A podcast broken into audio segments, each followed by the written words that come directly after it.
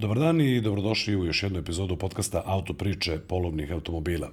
E, ovaj podcast realizujemo uz podršku G-Drive-a. G-Drive je premium gorivo koje nastaje po najvišim tehnološkim standardima, služi da poboljša performanse vašeg automobila, da zapravo vaš auto ima više snage i da e, štiti sve njegove sisteme za gorivo. E, u ovoj epizodi podcasta naš gost je predsednik odbora grupacije tehničkih pregleda pri Privrednoj komori Srbije i direktor CVS mreže tehničkih pregleda Andrija Vujčić. Andrija, dobar dan, dobrodošli. Bolje vas naši, hvala što ste me pozvali u vaš podcast. E, mi ćemo ovde pretresti mnoge neke teme koje verujem da su od značaja za, za sve vozače u Srbiji, pogotovo e, vezano za izmene i strožiju kontrolu na tehničkim pregledima, ali hajde da prvo razlasimo jednu važnu stvar. E, postoji nacionalna asocijacija tehničkih pregleda e, i postoji, e, dakle, ta o taj, ta, taj odbor grupacije tehničkih pregleda pri Prirodnoj komori Srbije. Koliko se te dve organizacije zapravo razlikuju i da li sarađuju? Koje su glavne razlike između te dve institucije? Pa evo ovako, a, a, Nacionalna asocijacija tehničkih pregleda NATEP a, je organizacija u čim sam radu i osnivanju i ja učestvovao od, od, od samog početka. Inače, a, osim NATEP-a postoji još i nekoliko a, organizacija, odnosno udruženja koje se bave delatnošću tehničkog pregleda u OETP, udruženje pri a, Automoto Savezu. Praktično to su a, stručna udruženja koje se e, bave nekom određenom oblašću, u ovom slučaju e, delatnošću tehničkog pregleda, dok je odbor grupacije pri tehničkim, tehničkog pregleda pri Privrednoj komori zapravo skup gde imamo jedan državni organ koji nas zastupa, znači ljudi koji su i članovi NATEPA i članovi Automoto Saveza i drugih tela daju po jednog predstavnika u odbor grupacije tehničkih pregleda i onda se a, biraju članovi tog užeg tela i iz tog užeg tela se predlaže a, a, zastupnik, zamenik predsednika i predsednik i a, na mandat od četiri godine i praktično oni predstavljaju najbržu sponu između zakonodavca i privrede kad je u pitanju delatnost tehničkog pregleda. Inače, delatnost tehničkog pregleda a, pripada a, jednom a, telu u prirodnoj komori koji se, koji se bavi između ostalog i ispitivanjima, bavi se revizijom i u okviru tog šireg odbora je pokrivena delatnost 7120. Tako da na neki način NATEP i sva ostala udruženja i udruženje pri Privrednoj komori Srbije zastupaju istu stvar. Prednost udruženja pri Privrednoj komori, odnosno tog odbora, je što mi imamo brži kontakt sa zakonodavcima. Praktično svaki naš zahtev mora biti odgovoren i ne mora da se ovaj podnose određene potvrde o plaćenim taksama za mišljenje nadležnog ministarstva. Tako da nema nikakvog razlike u, u delovanjima nas i tih drugih organizacija i čak održavamo redovno kontakte i usaglašavamo stavove koji su uglavnom do sada bili ovaj podudarni. Dakle, možemo da kažemo da, da ste na istim talasnim dužinama, odnosno da je zapravo a, to direktnija veza, Tako kao što ste rekli, sa zakonodavcem. Odnosno, da kažem, prilika da se neke stvari možda rešavaju i, i brže i jednostavnije. Upravo tako, mi smo želeli da kroz, ranije niko nije zastupao u privatnoj komori delatnost tehničkih pregleda, kao što recimo nije zastupao delatnost renta kar ili nekih drugih industrija, postali su bankari, osiguranja i ostali.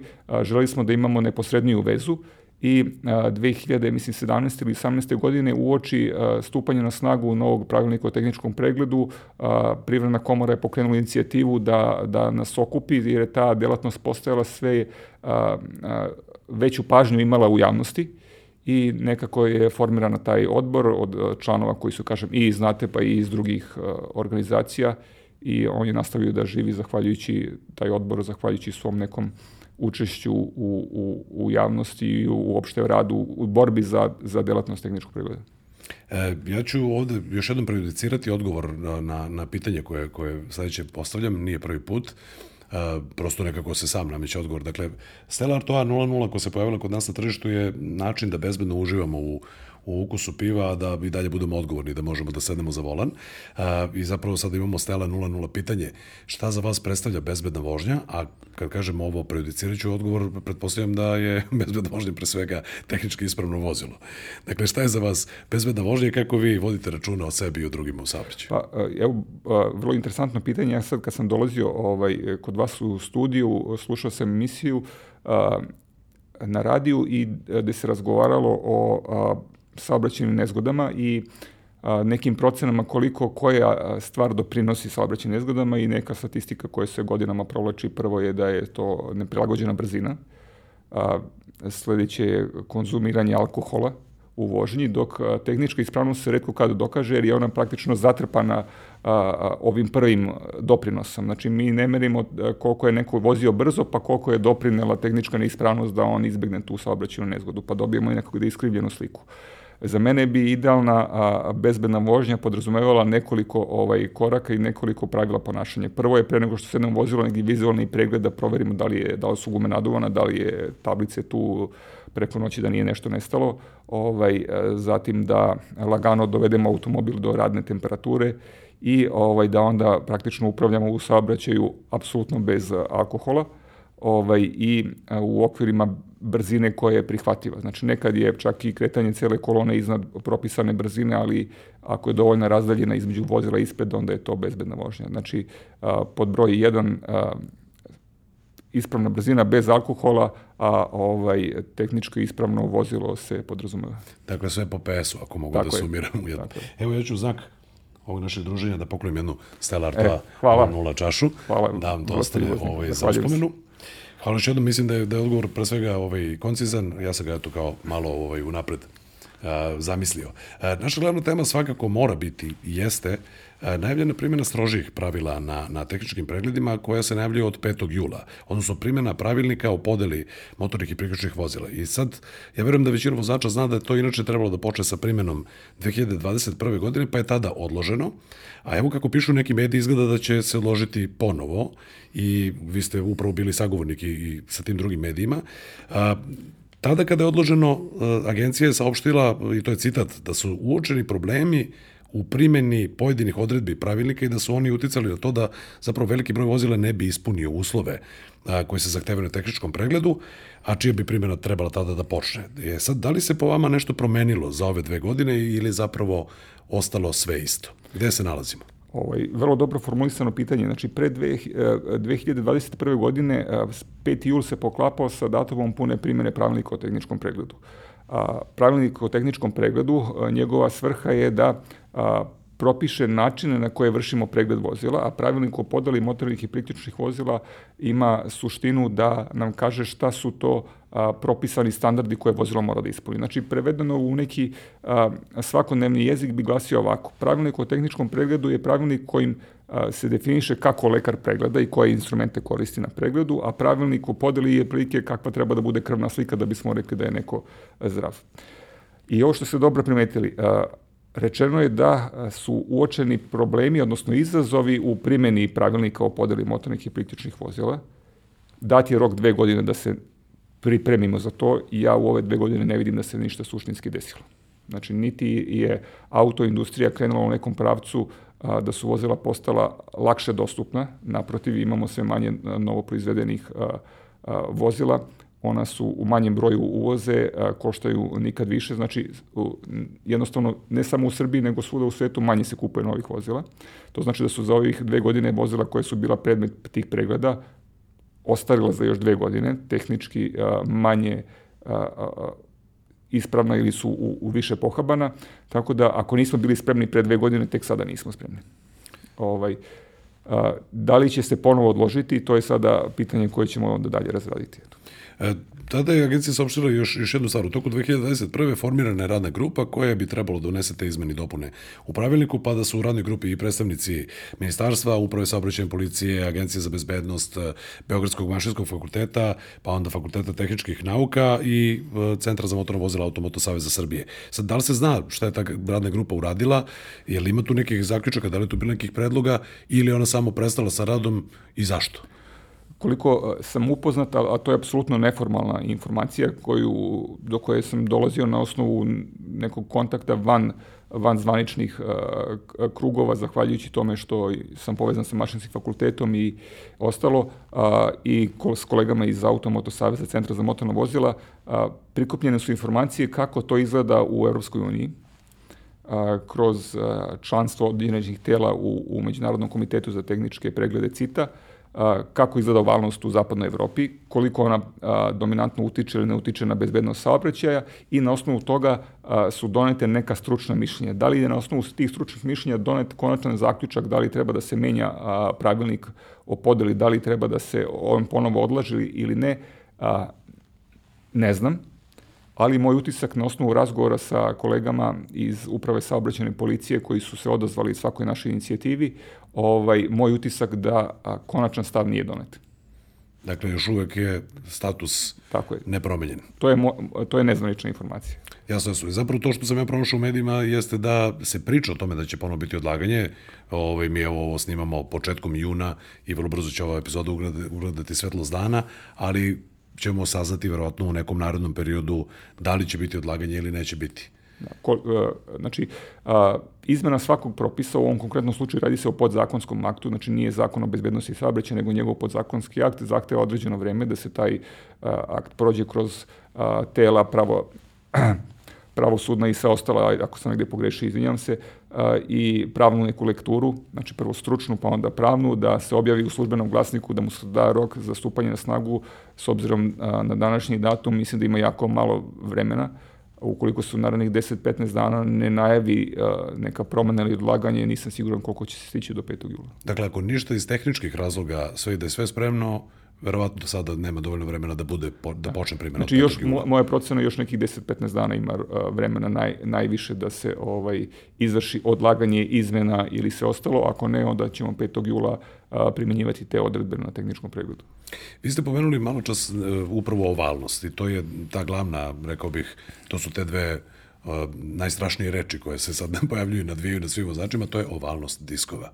Ne. Sad, šta je zapravo ovalnost diskova, da objasnimo e, i običnim e, jezikom, ja to mogu isto da, da, da pojasnim, i šta zapravo kaže praksa Evropske unije, vi posjedujete podatke da. i šta su radili recimo kolege iz SATA kada su se testirale. Dakle, šta znači tačno ovalnost diskova za one koji ne znaju i da li to zaista toliko strašna stvar i koliko ona zapravo utiče na, na, na to kako automobil koči ili to zapravo samo neka birokratska, a, kako bi rekao, začkoljica koju smo mi eto tako usvojili i nekom je palo na pamet da kaže da to ne sme da bude a, preko 20%. Dakle, da li je, da li je to zaista toliko opasno i, i o čemu se zapravo radi? Šta kaže praksa? Pa ovako, ovalnost, pojam ovalnosti nije birokratska stvar.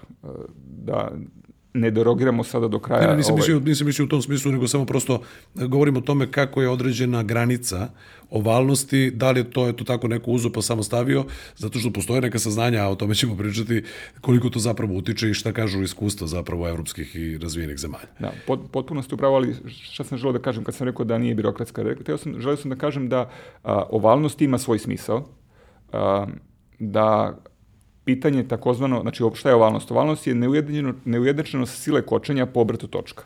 I kad je u pitanju ovalnost, nije samo ovalnost diskova, znači uopšte neujednačenost sile kočenja može doći iz raz, različitih razloga.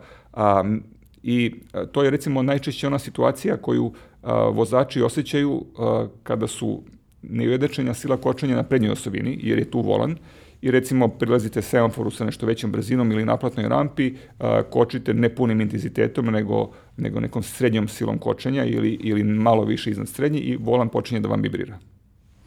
Ili eventualno... To, obično vozač kaže krivi diskovi. Tako je, e, upravo to. Krivi diskovi, zašto? Zašto a, u jednom momentu vozilo a, kad koči, disk naiđe na predeo na kome je ovaj, ispupčenje ili, ili udubljenje i u tom momentu se pojača ili smanji sila kočenja odnosno nije ujednačena i vi to osjećate kao neku vibraciju. Pri manjim brzinama to se osjeća tako da vozilo, ako biste jako malo pritisnuli pedalu kočnice ili ne koči uopšte, pa onda osetite da polako usporava.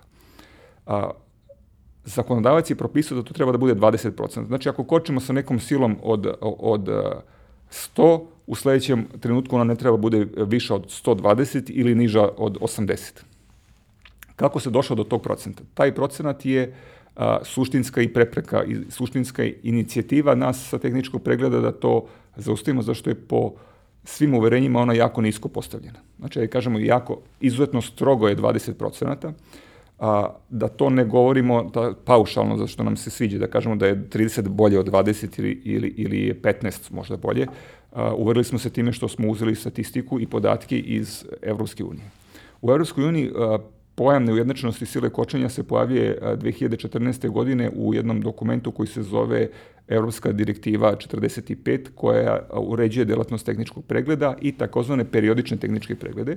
Oni imaju još jednu direktivu koja uređuje tehničke preglede na putu, jer tamo ima običaj da vas zustavi policija i da izvrši tehnički pregled pored puta, uglavnom za vozila veće mase i tom direktivom 45 uvodi se ovalnost gde se kaže da ovaj, je neophodno je nju ustanoviti, ali nije propisana vrednost. Nego je dato svakoj zemlji članici Evropske unije da ona sama odredi vrednost. I onda su pojedine članice, recimo, interesantno je a, Engleska i, i, i Velika Britanija i Irska, oni kod njih se ovalnost meri ne pri polovini sile kočenja, znači ne onome da vi držite pedalu na pola, nego se meri pri maksimalnoj sili.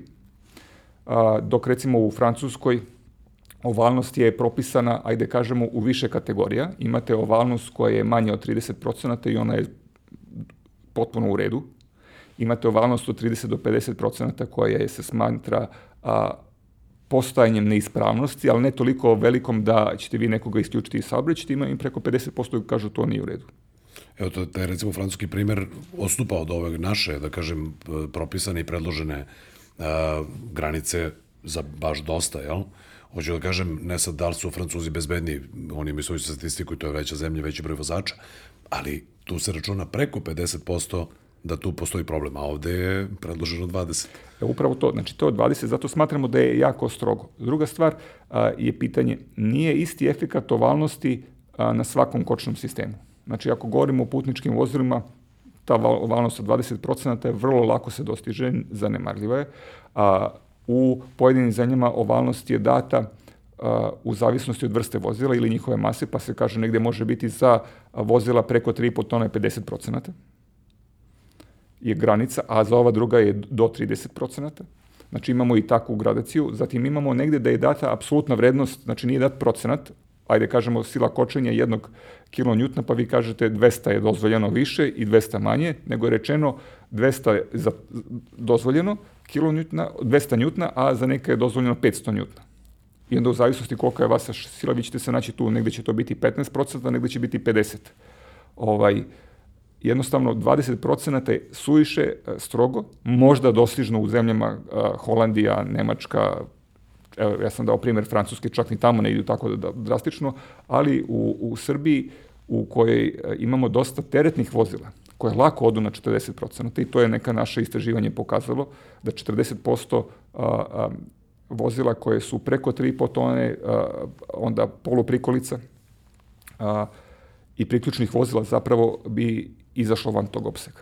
I onda sad ti ljudi koji se bave kojima vozilo, to treba radi privredne grane, ovaj privređivanja, njih bi isključili iz saobraćaja. Znači, moj, moje je duboko uverenje, ili ćemo da pomerimo tih 20%, ili ćemo da odložimo, da damo sebi vremena da uradimo nešto neko ovih dve godine, ili ćemo da stvarno izmerimo i kažemo koliki je doprinos. Ono što je vrlo interesantno da a, u krugovima koji su pisali tu evropsku direktivu, među kojima je su učestvovali i kolege iz Međunarodnog komiteta CITA za tehničke preglede, postoji sada debata oko toga da li je metodologija merenja ovalnosti zapravo dobar način da se ona utvrdi jer mi zapravo ne merimo ovalnost, mi na uređaju koji meri silu kočenja merimo neka odstupanja i kažemo svako odstupanje koje nastane, oscilovanje, da kažemo, nek, jedan moment imamo tu 1 kN pa kN, 1,2 kN pa padne na 0,8, e, to je sada ovalnost. Piše se na ovalnost. Tako je, sve dodeljujemo ovalnosti, a možda je nešto drugo u pitanju. E, tu je možda važno da pojasnimo, dakle, e, ta neujednačena sila kočenja može da se javi iz nekoliko razloga. Ja sam, uh, i kada smo na, na kanalu polovnih automobila pokazivali kako se menja točak, tu smo ponovo poznatili vozača, recimo da se preko zamene točka, važno je da unakrsno stavlju šafu i da ih unakrsno zatežu. Može da bude da nije to naleglo kako treba. Može da bude da je, da je disk iz nekog drugog razloga da kontakt između diska i glavčine nije dobar, da tu postoji rđa. Postoji mnogo nekih faktora koji upravo mogu da utiču na to da mi, može, može zapravo se desi da maltene sa novim automobilom, ne potpuno novim, ali, ali jako, jako mladim automobilom, zapravo dobijemo neujednačenu silu kočenja, i da to, da to pravi problem. Ja ću sada samo još jednu stvar da pomenem iz naših prošlih života, kada je bio i, i ovaj, nije bilo toliko stroga kontrola kao što je danas nešto bolja i strožija na tehničkim pregledima, pa aha, neko ti dobro zadnji desni, pa se majstor onako nagne, pa taj Wartburg prođe ili ta Lada ili taj Jugo. I negde se smatralo da nije to tako važno, pre nego što je postojala ovaj, kontrola, pa je bilo i ono, aha, vozio si dugo tu Ladu Samaru, pa ne radi ti peti kočeni cilindar, jer nisi imao davno neko naglo kočenje, pa se tu nešto zapušilo. Hoću kažem, nije to, osim granice, ne možemo, upravo kao što ste pomenuli, da, da tek tako pišemo to sve na ovalnosti, jer, jer nije, nije potpuno do kraja tačno. Šta kaže zapravo, ta debata i dalje traje, ako sam vas razumeo. Da, upravo tako. Znači sad se pitanje ovalnosti otvorilo kao jedna nova tema, da li postojeća metodologija merenja ovalnosti na uređima za merenje sile kočenja pobrte točka, onako birokratski, birokratski rečeno, je adekvatan način merenja. Pošto nismo 100% sigurni da je adekvatan način merenja, odnosno postoji određene a, a, ajde kažemo, ideje da bi ona mogla da se drugačije utvrđuje i da li je ona presudna, a, zbog toga i tom evropskom direktivom nije toliko striktno iz, izneta, ili je a, pojedinačnim propisima članica Evropske unije dati taj opseg koji je relativno visok, a kod nas jako, jako nisak. Ali ono što ste rekli, jako a, dobra stvar, rekli ste a, način na koji smo a, a, montirali točak. Montirali točak, zbog toga se na tehničkom pregledu i to često vozači mogu da vide pa se neki žale, uklanjaju ratkapne, odnosno poklopci, vrši se dotezanje, odnosno provera zategnutosti i vrši se ovaj provera pritiska u pneumaticima, da bi, da bi kada dođemo na, na valjke ovaj, imali idealno zategnut točak i da bismo imali E, idealan pritisak u pneumaticima. Vi možete izmanipulisati uređaj time što ćete izduvati pneumatik, pojavit će vam se određeni otpori u početku, kasnije. I to je ono što je najveća ovaj, izazov u ovom momentu. Ukoliko ovaj propis ostane e, na snazi, e, tehnički pregledi su praktično ovlašćeni od strane Ministarstva unutrašnjih poslova i produžena su ruka, iako se bave privrednom delatnošću države u smislu sprovođenja nečega sav gnez, gnev vozača, nezadovoljstvo, prelilo bi se na tehničke preglede. Oni koji bi se našli pod pritiskom, bili bi u skušenju da a, praktično manipulišu tim izveštajem nakon završenog pregleda vozila, što jeste suprotno propisima, ali negde se dešava jer ljudi su prinuđeni da sačuvaju svoj, svoj, svoj posao, a s druge strane stranke budu vrlo nezadovoljni i praktično jedina osoba koju oni susreću kao prepreku da njihov vozilo učestvuju u saobraćaju su tehnički pregledi. Nije mi prošlo tehnički. Tako je. Vratili oni, me sa tehničkog. Upravo tako. Oni ne vide a, nekog koji je pisao taj pravilnik, niti su ikad čuli za pravilnik o podeli, niti imaju obavezu da čuju. A, ne vide za a, Ministarstvo unutrašnjih poslova koje može da kazni i oduzme dozvolu za rad na tehničkom pregledu. Jednostavno, radnik na tehničkom pregledu ili neki tehnički pregled je imao neku svoju slobodnu volju da nekoga vrati zbog ovalnosti. Zbog toga ta ovalnost ne treba da bude mesto spoticanja kad je u pitanju propis, već treba da bude prilika da se izgrazi jedan bolji odnos između ljudi koji donose propise, oni koji ih na terenu sprovode i ljudi koji koriste vozila. Pomenuli ste istraživanje i to ste pričali, kažem, i u, i u Satu i u drugim medijima, dakle, da je, da je nekih 35.000 putničkih takve podatke imamo, putničkih teretnih vozila, dakle, da zapravo 25% putničkih ne bi prošlo po novim propisima i 44% teretnih, kao što ste rekli. Sad, dakle, kako je išao taj proces tog testiranja? Kako ste na, došli do tog uzorka i šta se zapravo ovaj desilo? Meni je žao što i ostale kolege koji se bave ovim poslom, mi smo imali uzorak praktično 30 linija za tehnički pregled i mi smo na kraju prošle godine uzeli statistiku i rekli, hajde da sada pogledamo svi koji su vraćeni ili svi gde smo imali zapisnike da pregledamo, gde smo imali ovalnost koja je bila preko 20%. I jednostavno smo onda prebrojali ovalnost, to smo svrstali u vrste vozila, znači da je vozilo vrste M1, putničko N1, teretno do 3 tone i ostali i onda smo videli gde se najviše pojavljuje ta stvar. Da li je naš uzorak od 35.000 vozila dovoljan možda i nije u odnosu na 2 i nešto miliona vozila koliko ima u Srbiji, da su svi to uradili, imali bi tačan i, i konkretan podatak. Možda je prilika da ako dođe do odlaganja ove, ove odredbe pravilnika, da izvršimo svi, da imamo obavezu da, da vodimo statistiku, da tu statistiku šaljemo nadležnom ministarstvu ili ministarstvu unutrašnjih poslova, oni da šalje, šalju dalje ministarstvu za uh, saobraćaj i onda bismo znali stvarno gde se nalazimo. Na osnovu toga bi mogli da konkretnu odluku donosimo sve ostalo svodi se na neku aproksimaciju na osnovu uzorka koji možda nije dovoljan. Ali opet, bolje je uzorak od 30.000 vozila nego nikakav uzorak. Tu se pa apsolutno slažem. Sad ako se recimo ništa ne promeni do 5. jula, šta mogu da rade vozači kada padu na tehničkom i zapravo kako mogu napred da provere da li imaju problem sa uh, upravo ovaj diskovima, jer koliko mi znamo i koliko je ovaj to prosto naznačeno, ne može tek tako čovjek da dođe na tehnički pa kaže ajde proverite mi diskove. To prosto nije. Zakazuje se, postoji procedura, tehnički pregled to ni ne može da radi. Dakle, da li može da odu neki servis i kako uopšte da, da pokuša da proveri da li ima problem sa tim ili, ili nema i šta ako padne zbog ovalnosti diskova, šta treba da radi? Pa praktično vozač koji ima određenog iskustva dužeg, ajde kažemo da, da je malo više zainteresovan za, za koncept automobila, a, može osetiti isključivo postojanje ovalnosti iznad 20% a, na prednjoj osovini. Znači, ovo kao što sam rekao, vozite lagano, pritisnete pedalu i pratite da li osjećate neku vibraciju. Ako ta vibracija apsolutno izostane, ili je to oscilovanje u kočenju, odnosno jednačenost minimalno, vrlo je velika vratnoća da nećete ući u 20%. A, na zadnjoj osovini vi to gotovo da nemate mogućnost nikako da proverite. Jer ta vibracija koju biste vi osetili na pedali ovaj, se sa zadnje osovine neće preneti na vas. A postoje servisi koji imaju valjke, ili servisi koji uh, su ostali bez vozačke dozvole, ili tehnički pregledi koji su određene termine uh, prijavili policiji da neće raditi i u tim terminima, kada praktično ne obavljaju svoju delatnost, mogu da izvrše ovaj, nekome testiranje. Mi smo imali tu kampanju sa Sat Media grupom na jednom našoj liniji gde smo testirali uh, ljudima besplatno tehnički pregled, ali praktično vi sem valjaka ne možete proveriti ono što valjak traži.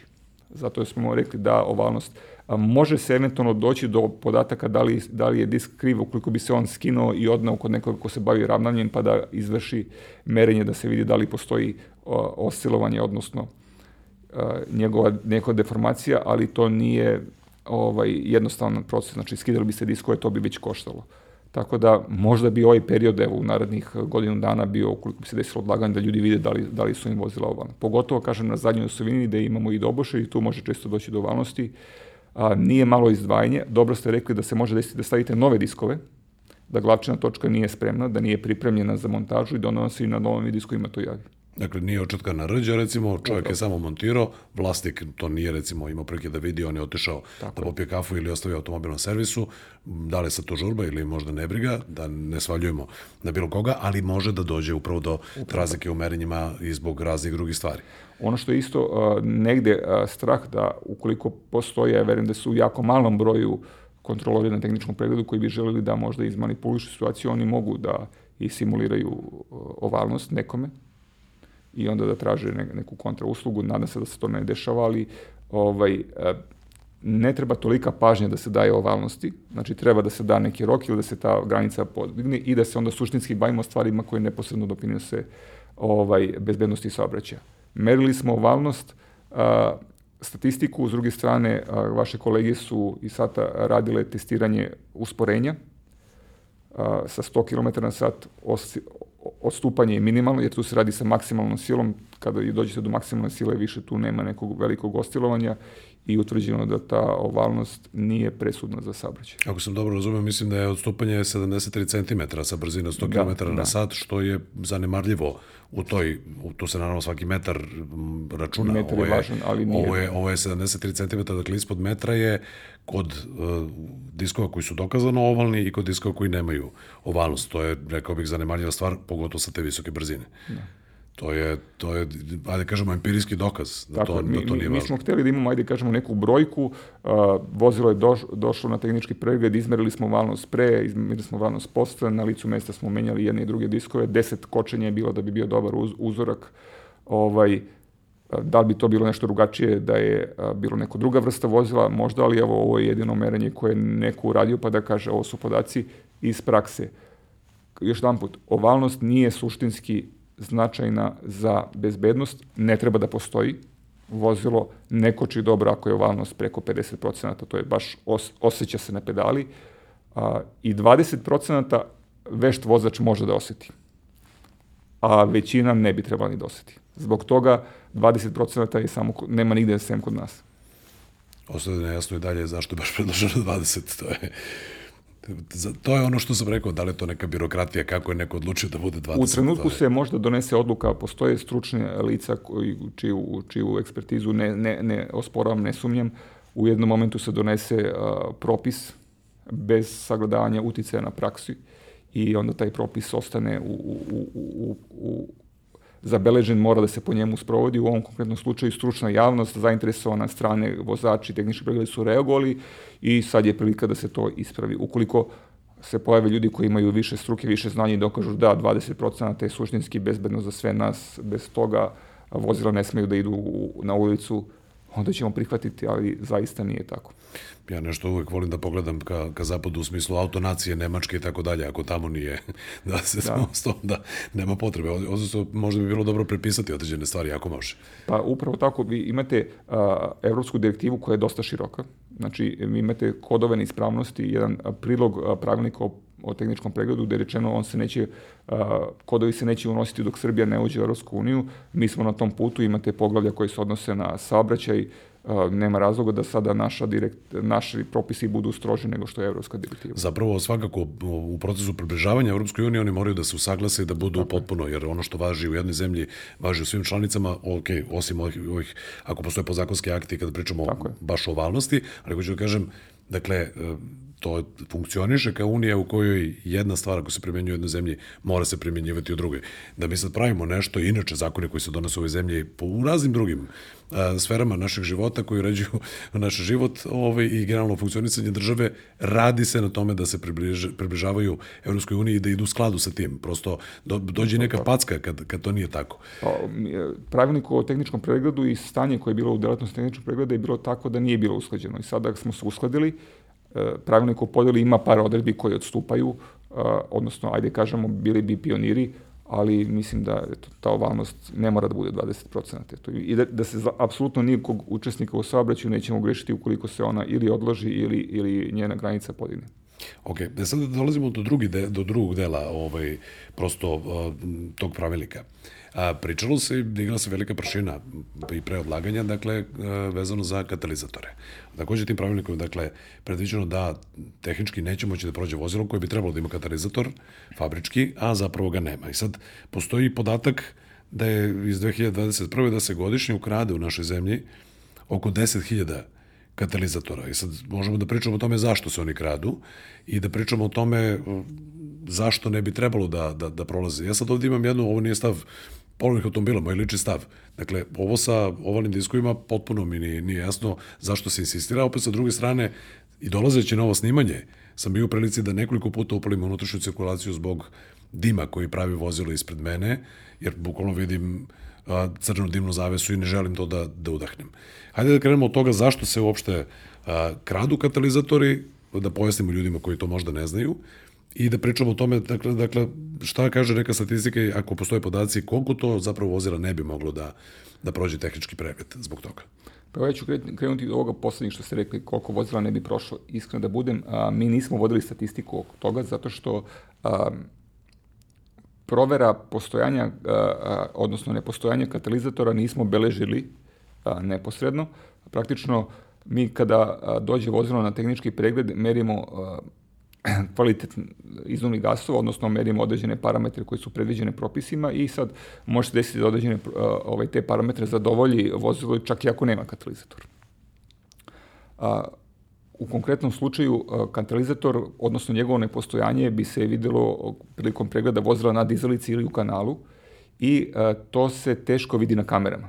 Time postoji mogućnost da se izvrši tolerancija toga ukoliko vozilo zadovoljava kvalitet izduvnih gasova teško će da zadovolji ukoliko nema e, katalizator, ali ovaj iz nekog razloga može na način da vi to merite na ovaj ispravno ili neispravno može se doći do toga da vozilo zadovolji ako nema katalizator. Ali u svakom slučaju vozilo bi trebalo da ima katalizator. A, zbog čega se krade? Prepostavljam da se krade zbog toga što u katalizatoru postoje a, određeni metali čija je a, vrednost na a, tržištu sirovina visoka. Ne, to su plemeniti metali, dakle tu Upravo, ima i platine i I, I onda se, vratno na tom crnom tržištu postoji određena cena za katalizator.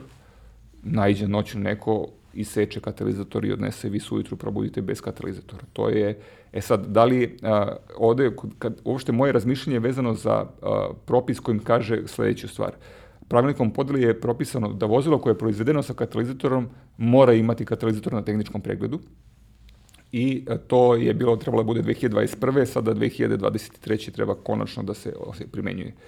A, ukoliko smo prihvatili postulat da a, se držimo evropske direktive u zdravom razvoju koji se odnosio na ovalnost, onda bi bili potpuno neprincipijalni u kojoj smo rekli da sad taj postulat ne važi kada je u pitanju kon, a, katalizatori. Znači, u Evropskoj uniji ne možete imati voziti bez katalizatora. Od 93. godine nema proizvedenog vozila koje izlazi iz Evropske unije da nema katalizatora. Znači, od 93. godine imamo svi katalizatore.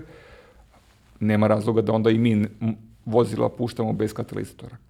Da li je sada a, a, pitanje ekonomske moći naše kupovne, da li ćemo tolerisati da vozila idu bez katalizatora, onda ćemo staviti ekonomsku vrednost a, na zdrav vazduh koji dišemo i životnu sredinu, a zarad komfora da budemo u vozilu.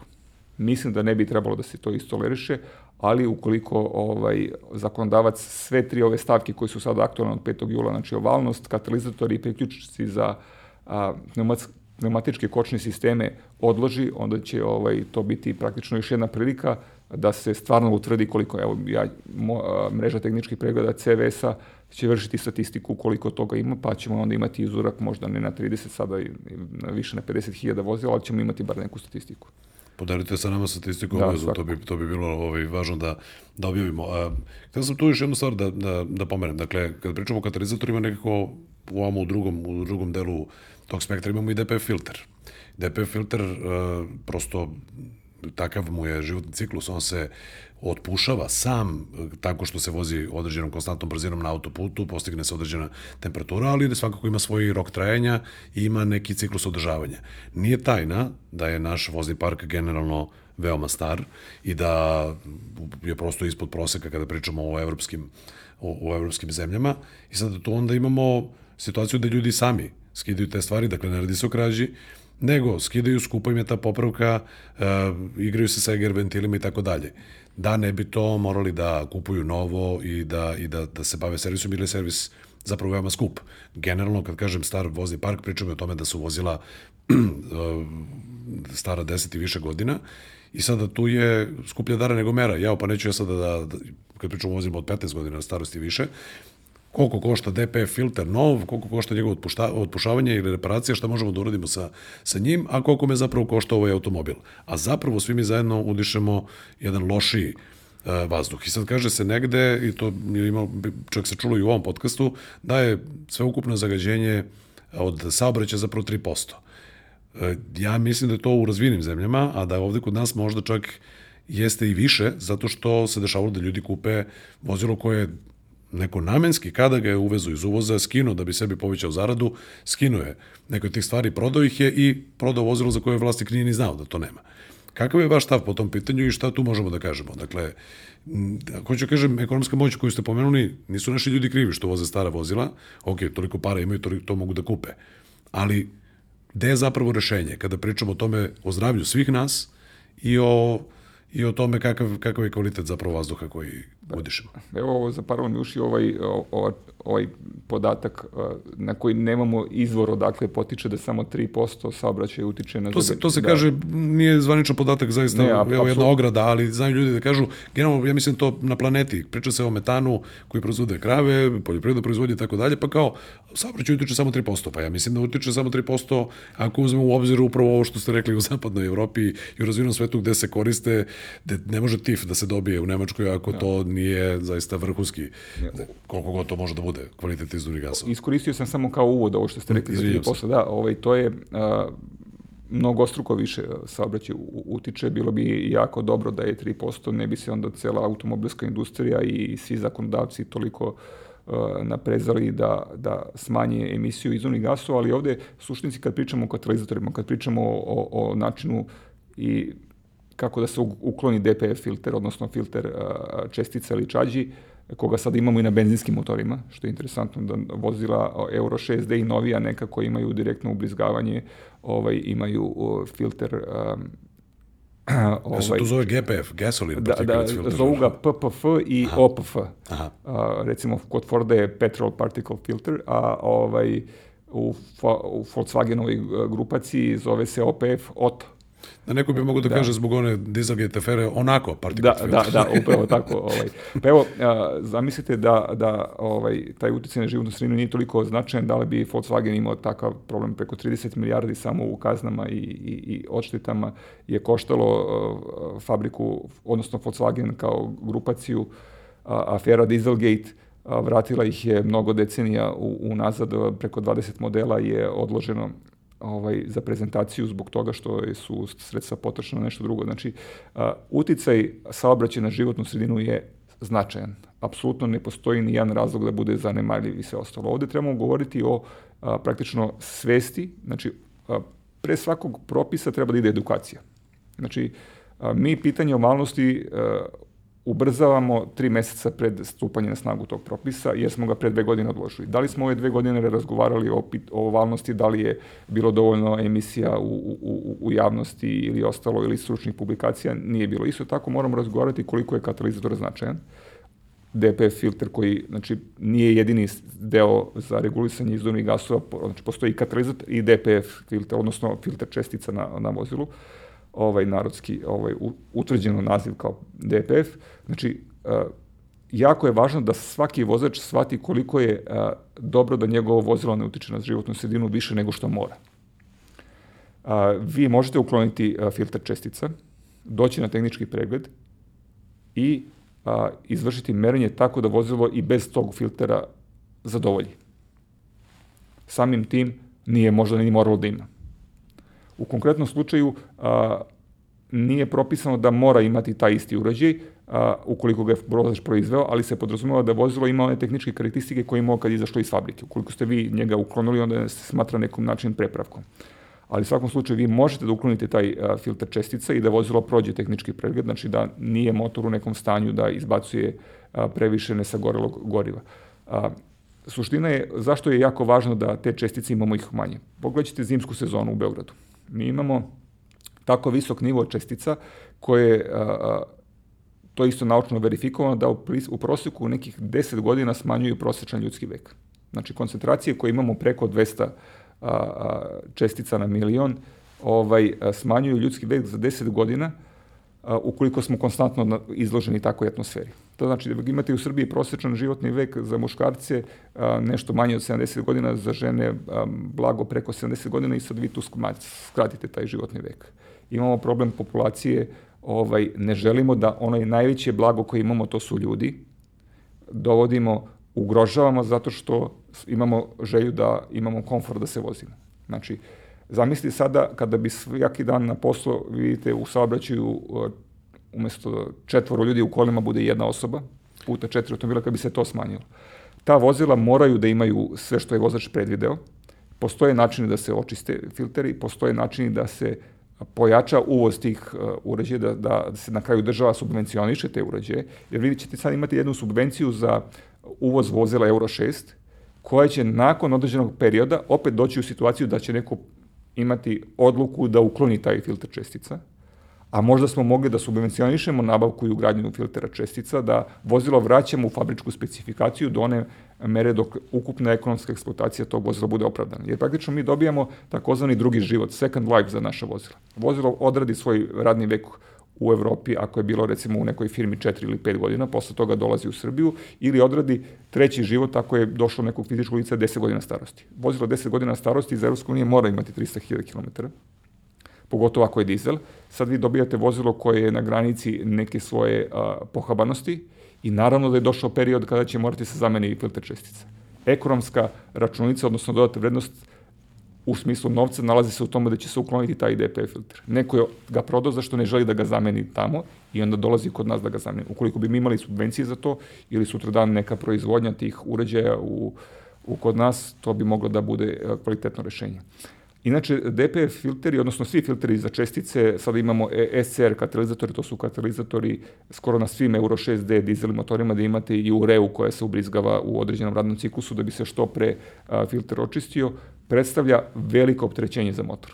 Vi motor u određenom režimu rada, to vam je slično kao kada ako neko roni imate onu cev koja služi za ronjenje, u nju stavite dodatno vatu ili neko opterećenje i vozilo jednostavno ima manje snage. Ili stavimo malo mali prst. E, upravo tako. I sada, ukoliko je taj filter zapušten, onda i drugi delovi vozila mogu da stradaju, tako da je apsolutno interesu da postoji način da se to popravi. Naravno, vozilo ide čak i bolje ako se to ukloni, ali je zagađenje dramatično. Znači, vi imate propisane nivoje zagađenja fabričke, gde ukoliko uklonite DPF filter, on može biti desetostruko više od, od onoga što je proizvođač propisao. Pomenuli ste kako izgleda Beograd u zimskoj sezoni, sad ja verujem da to mnogi ljudi, građani, pišu na aha, pa da, ložimo na čvrsta goriva i tako dalje, to, tako se grejemo.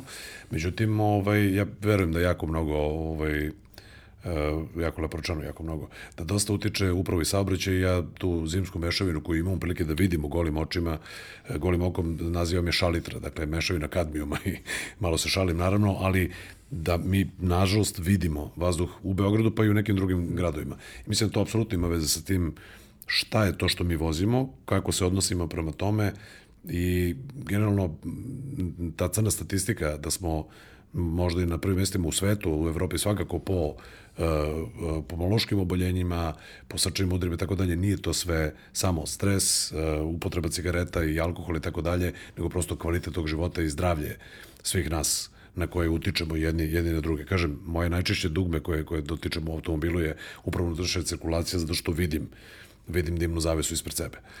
A, evo ovako, a, kada pratite ima onaj, mislim, sajt Airbnb, Airbnb. Da, Airbnb, ovaj, ne, Airbnb je nešto drugo. da, da, ovaj, pogledate. AirVisual. da, pogled, da, AirVisual. Pogledate i onda vidite uh, zelene delove koji su u Nemačkoj. Ima to veze i sa geografskom uh, pozicijom. U Sarajevu je, bude sve ljubičasto, zašto su u kotlini. Tako je ali tamo je kult Volkswagen dvoj, Golfa dvojke. Dosta ovaj, jak. Da, da. Do, Znaju, znaju u Sloveniji da bude u Ljubljani, zna da bude magla zbog toga što je kotlina. Da, ali recimo, stvarno smo dostigli neke vrednosti koje ukazuju da smo zabranuti. Učili su nas u osnovnoj školi, vazduh je gaz bez boje, mirisa i ukusa. Mirisa i ukusa kad ga vi vidite, a nije magla, nije para i vidite da izlazi crno, to je. Ono što je se recimo ranije dešavalo, možda je neko od, od, od, od primećivao da su na starijim vozilima pored auspuha bilo izvučeno još jedno crevo iz sredine motora i iz tog creva su izlazili izduvni gasovi plave boje. To se obično ovaj, pritisak koji se stavlja, koji se javlja u, u, u karteru i a, iz, izvadio. To je recimo zakonom zabranjeno u zapadnoj Evropi, za to se maltene ovaj, kazne dramatične. Ovaj, danas imamo EGR ventil, koji to vraća na ponovnu ovaj, regulaciju. I Jäger ventil je jedna od stvari koje je jeres kod nas. Kažu, to može da se isto izvadi. A, nije slučajno da je toliko uloženo. Ovaj, u poslednjih 30 godina u, u razvoj sistema za regulisanje izduvnih gasova ovaj, i jednostavno moramo prihvatiti. Cena da biste imali automobil je ta da izduvni gasovi iz njega moraju biti što manje štetni, jer u slučaju to su i naša deca. Mi njima ne dajemo nikakvu priliku da žive u, u, u zdravom okruženju.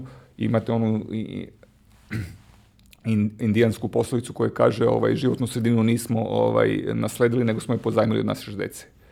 Hajde onda da na vreme ovaj, krenemo bar tim vozilima koji ih vo, vozimo ovaj, u vrtiće, škole i ostalo, da ne budu takva da ovaj, zagađuju više nego što mora. Ja se zaista nadam da, da ovo što govorite da će dopreti do onih koji, mislim, ne možemo i to tak, tako čarobnim štapićem da promenimo, ali prosto da svi zajedno povedemo više računa o tome i da ne držimo upaljen motor na automobilu onda kada to ne treba, nego da naproti, pogotovo u zatvornim prostorima, bilo je skoro na društvenim mrežama čitava čitava se panika digla oko, odnosno pršina oko toga kako neko dok sedi u tržnom centru u garaži drži upaljen motor. To je više struko opasno. Pa to je krajnja bahatost, znači pa, potpuno odsustvo svesti za druge ljude. Ovaj, vi recimo u, u Nemačkoj, u, u skandinavskim zemljama, mislim da čak i u Švajcarskoj, komšija koji vas vidi da ujutru zagrevate motor tako što... Što je inače greška. Da, vi upalite, tako je nije dobro ni za motor, ni za ovaj, ostale pokretne delove, i dok čistite sneg s njega, on će vas prijaviti. Znači, to jednostavno nije dozvoljeno. Vozilo najviše zagađuje kada je hladan motor i onda je cilj da se uh, ceo sistem pokreće ovaj, dok se vozilo vozi da se zagreva, samim tim koristite tu energiju za kretanje, ne samo za zagrevanje motora. I ovaj, uh, poboljšava se stanje vozila i odnosno manje se haba i ne, ne zagađujete životnu sredinu. Brže se zagreva pa će i manje manje da te štetne ovaj Upravo tako. Recimo katalizator a, za benzinske motore, znači njegova suštinska svrha je da ugljen monoksid ovaj a, tretira tako da na kraju dobijamo a, ovaj ugljen dioksid i, i određene ostatke, ovaj ugljen monoksid je apsolutno otrovan Znači, e, izlaganje ugljenom oksidu neposredno duže od 10 minuta može dovesti do smrti. Znači, ne želimo da budemo u okruženju ugljen monoksida.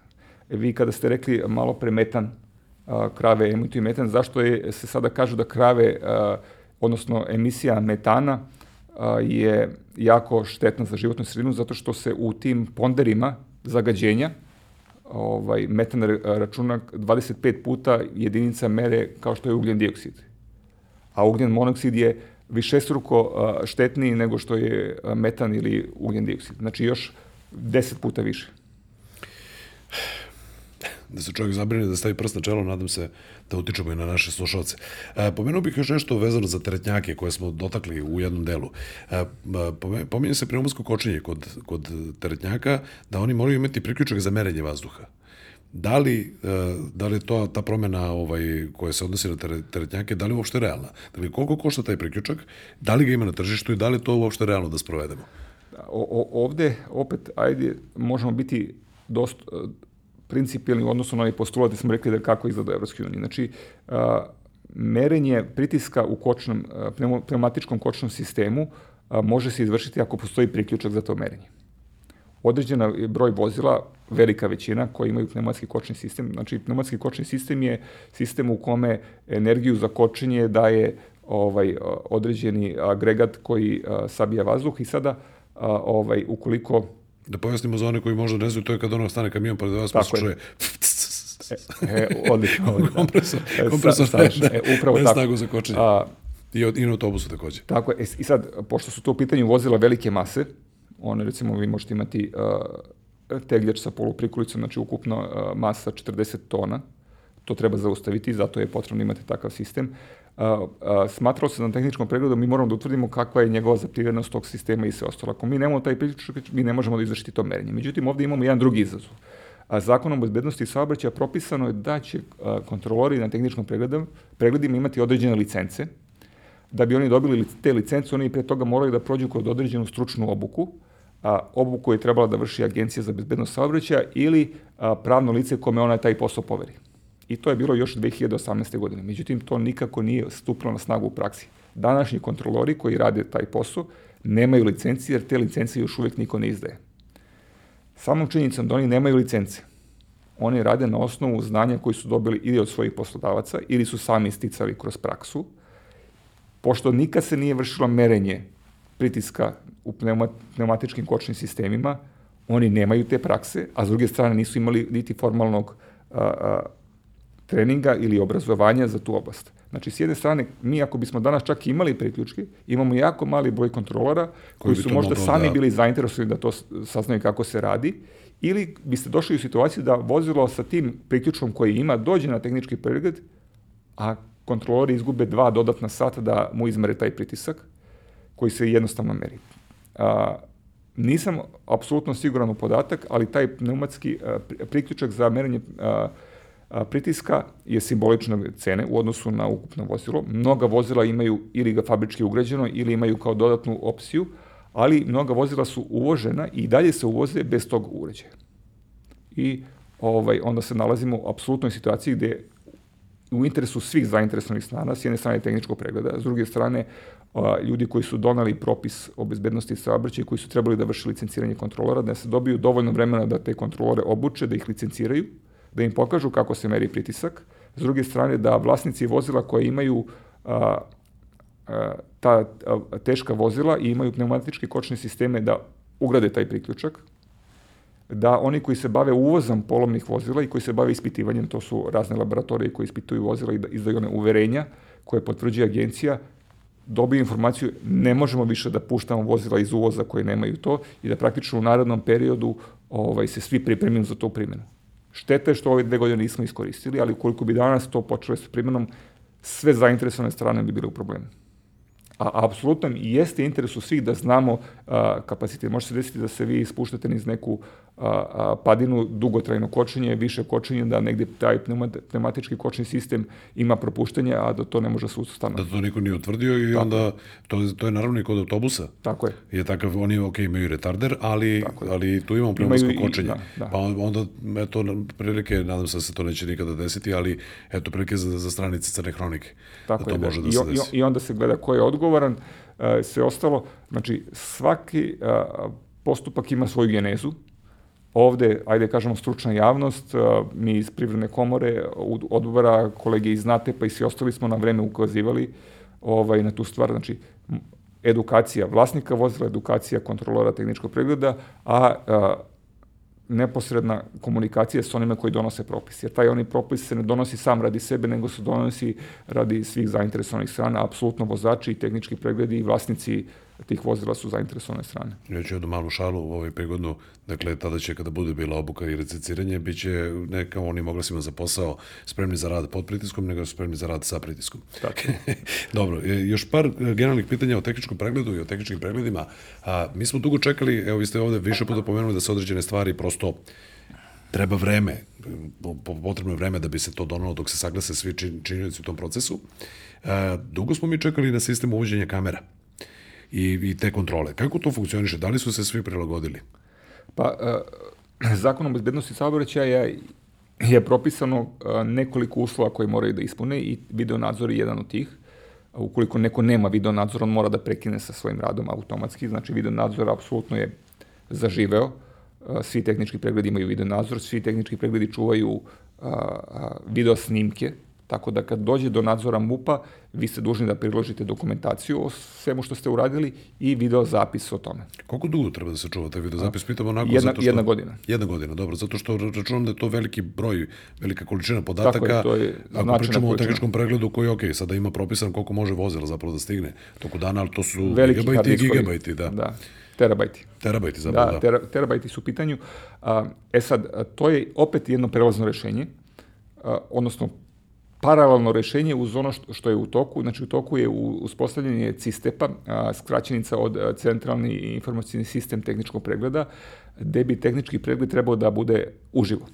Odnosno da online sve vreme bude sa MUP-om. Tako je. Osim toga što bi a, tok vršenja tehničkog pregleda vizualno bio dostupan a, ljudima koji vrše nadzor, odnosno Ministarstvu unutrašnjih poslova, a, oni bi imali podatke od uređaja koji a, a, se koriste za I tu ne bi bilo onda mogućnosti za manipulaciju. Vi ste nekoliko puta Tako pomenuli je. da postoje šanse, ne da mi kažemo da se to dešava, ali da postoje šanse u određenim delovima procesa gde je moguća Tako manipulacija. Je. A, onog momenta kada uređaji budu slali podatke MUP-u direktno, prostor za manipulaciju će praktično biti izbrisan. Znači, ono što se snimi na uređaju za merenje sile kočenja, pa između ostalog i ova ovalnost, ide u policiju, uređaj sam kaže vozilo ispravno, neispravno, isto tako za izduvne gasove i praktično vi nemate nikakvu mogućnost da izmanipulišete. Sve što treba da se uradi da bi se pomoglo da vozilo ispuni uslove za tehnički pregled je da se uradi pre nego što dođe na tehnički pregled. Ono momenta kada uđe, video zapis počinje da se uživo šalje policiji,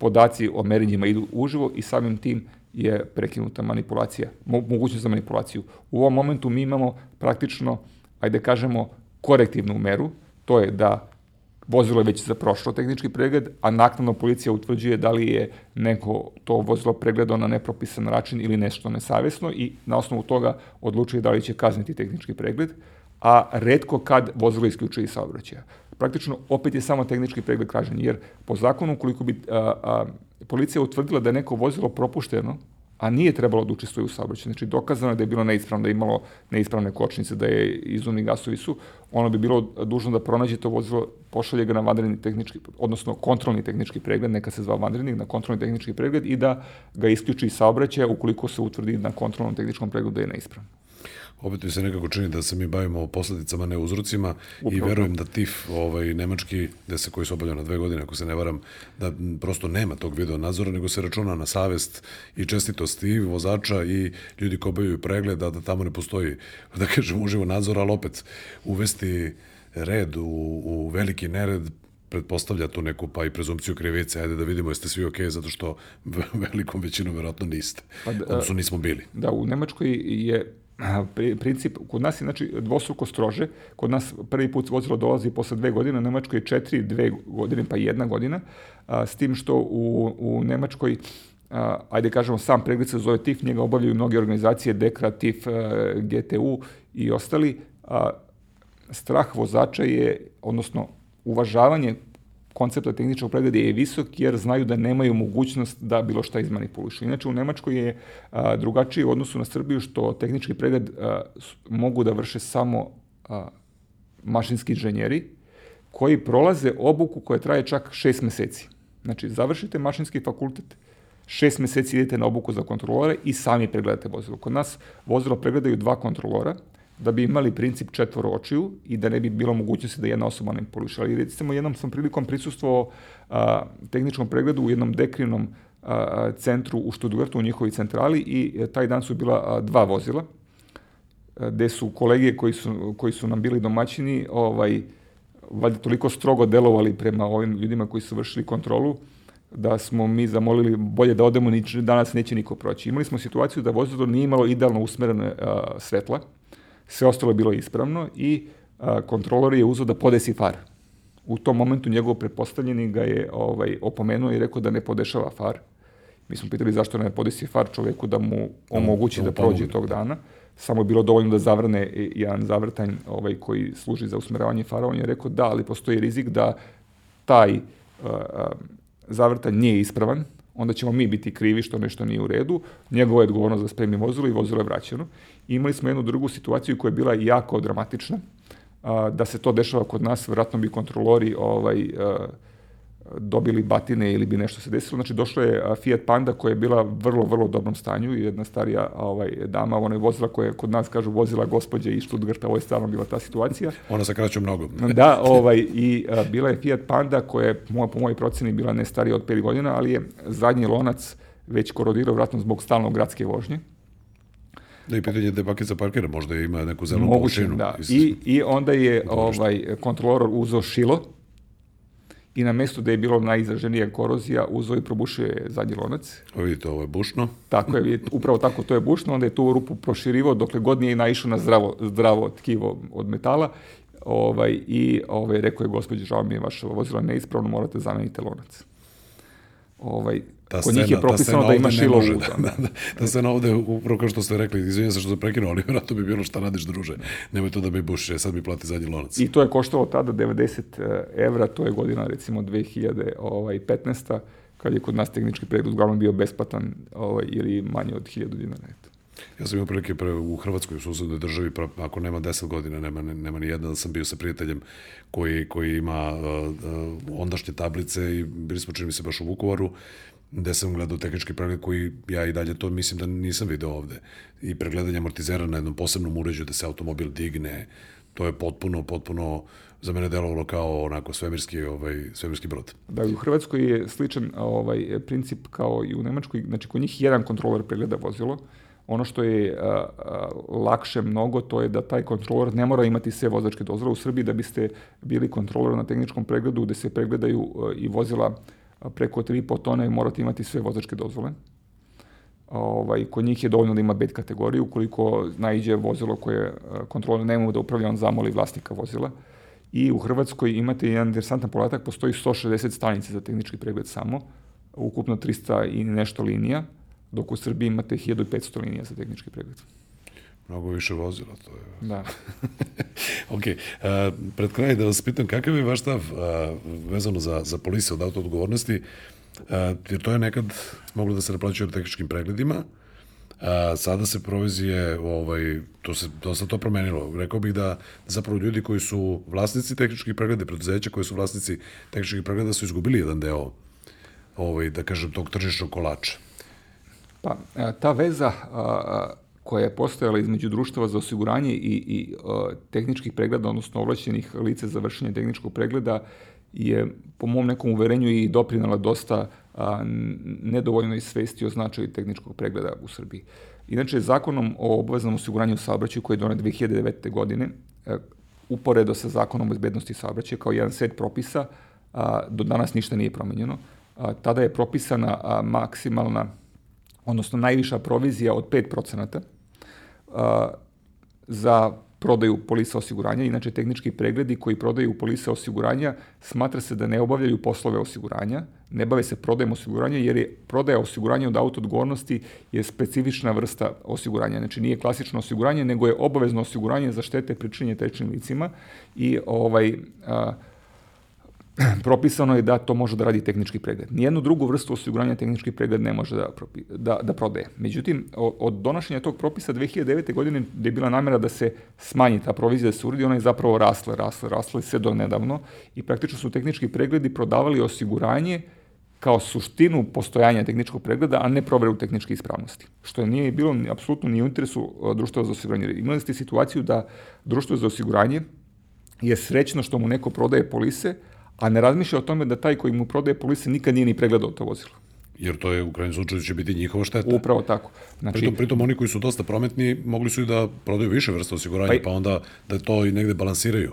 Imate situaciju da neko nije ni pregledao, recimo, tegljač, koji može da vuče 40 tona, date mu polisu, ovaj, a da li je on ispravan i koliko on štetu može da napravi, to je bila sekundarna stvar. Međutim, o, Udruženje osiguravača Srbije i svi osiguravači, kad kažemo, došli su do svesti da moraju da poštuju taj propis i na neki način to je počelo da štiti delatnost tehničkog pregleda. Koliko je bilo to izražan odnos između društava za osiguranje i tehničkih pregleda, govori činjenica da je u zakonu o bezbednosti saobraćaja eksplicitno navedeno sledeća stvar. Kontroler tehničkog pregleda ne može u toku radnog vremena da se bavi poslovima koji su povezani sa osiguranjem. Jer ukoliko se vi bavite bilo čime sem tehničkim pregleda, smatram se da se nalazite u sukobu interesa. Znači, meni će biti važnije da vam prodam polisu osiguranja, zbog toga sam spreman da na nesavesan način progledam vam kroz prste da bi vam prodao polisu. Zakonodavac je to želeo da isključi i on je rekao ne može se baviti tehničkim pregledom, registracijom vozila, popravkom vozila i bilo čim drugim i drugim poslovima. Nije eksplicitno navedeno koji su to drugi poslovi, ali dato prostor za tumačenje. Znači u okviru radnog vremena kontroler može da radi samo svoj posao što je, mislim, put u to da to zaista bude onako kako je zamišljeno i da bude jedino ispravno, a sve na, da kažem, polzu Tako svih učesnika u saobraćaju. I dobro, za kraj, da li ima najava da bi mogli da se cenjuju, da se cenjuju mene? Da, se, da li ima najava da bi mogli da se menjaju cene tehničkog pregleda? A, pa, koliko sam ja upoznat, ne. A, opet, zakon o bezbednosti saobraćaja je propisao najvišu i najnižu cenu, odnosno propisuje da vlada na predlog nadležnog ministarstva donosi e, tu cenu. Ta cena je određena, ona je, ajde kažemo sada za vozila ova koje mi najčešće koristimo, putnička, odnosno do 3,5 tone, 6020 dinara najviša cena i 3070 dinara najniža cena. Zašto postoji opseg? Zašto recimo nije da to, da to bude to slobodno regulisano?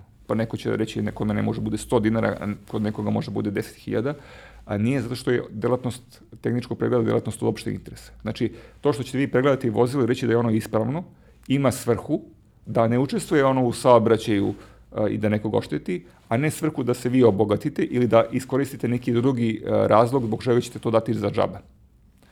Već je svrha da vi možete da ekonomski opstajete kao tehnički pregled, a da istovremeno pružate savesnu uslugu tehničkog pregleda, ovaj, i zbog toga je država odredila tu cenu. Da li je ta cena utvrđena na osnovu kretanja nekih a, a, inflacije i svega ostalog? Ja mislim da nije, jer je a, u, a, uredba o visini cene doneta tri godine posle predloga ovlašćenih, ajde kažemo, udruženja za tehničke preglede, tada NATEP i ostali, ovaj, ali je usvojena. Tako da verujem da se skoro neće menjati. Ja mislim da je kretanje na tržištu pokazuju da ta cena od 6020 i ova 3000 da, da se usta, ustalila ovaj, u, u, u ovima koji pružaju tehnički pregledi i vlasnicima osrata, tako da ne vidim da bi se skoro promenila. Za kraj, za one najupornije koji nas slušaju do samog kraja, dakle, u narednih 10 do 15 dana ćemo znati da li će biti odlaganje ili ne ove primene ovaj pravilnika koji, pod, koji podrazumeva i ovalnost diskova i, i katalizatore ako to mogu da izvuče kao zaključak. Da, potpuno ste upravo. Znači, u narednih 10-15 dana a, zakonodavac, odnosno ministarstvo nadležno za saobraćaj, ima vremena da donese promenu propisa, bilo kakvu odlaku vezano za propis i da ovaj 5. jul praktično dočekamo sa izmenjenim pravilnikom koji bi bio objavljen u službenom glasniku. U slučaju da se to ne dosi, 5. jula sta odreda stupa na snagu, mi smo dužni na tehničkom pregledu da ovaj, poštujemo taj propis i da vozila koja to ne ispunjavaju ovaj, proglašavamo tehnički neispravno. Eventualno što postoji kao mogućnost, mada bi to bilo na neki način manipulisanje propisima, da uprava saobraćene policije i ministarstvo nadležno ovaj, za unutrašnje poslove pošalje neki dopis da bi rekao da ovalnost jeste 20%, ali da nije presudna razlog da se vozilo proglasi tehnički neispravno, što bi bilo na neki način ovaj, degradiranje tog propisa. Eto. Gospodine Vojčiću, hvala još jednom na ovom gostovanju. Hvala da nama. smo dosta korisnih stvari ovde pokrili, a ovaj, već bit će prilike da pričamo još. Zahvaljujem se. Hvala još jednom. A hvala vama što ste e, slušali ovu epizodu podcasta Autopriča polovnih automobila. Kao što znate, e, ovaj podcast realizujemo uz pomoć G-Drive-a. G-Drive je premium gorevo koje nastaje po najvišim tehnološkim standardima, povećava snagu vašeg motora, odnosno vašeg automobila i poboljšava njegove performanse i štiti sisteme za gorivo. Zapratite nas na audio platformama, ja naravno tu smo i na YouTube-u, na YouTube kanalu polovnih automobila automobila. Vidimo se i slušamo se u sledećoj epizodi. Prijetno.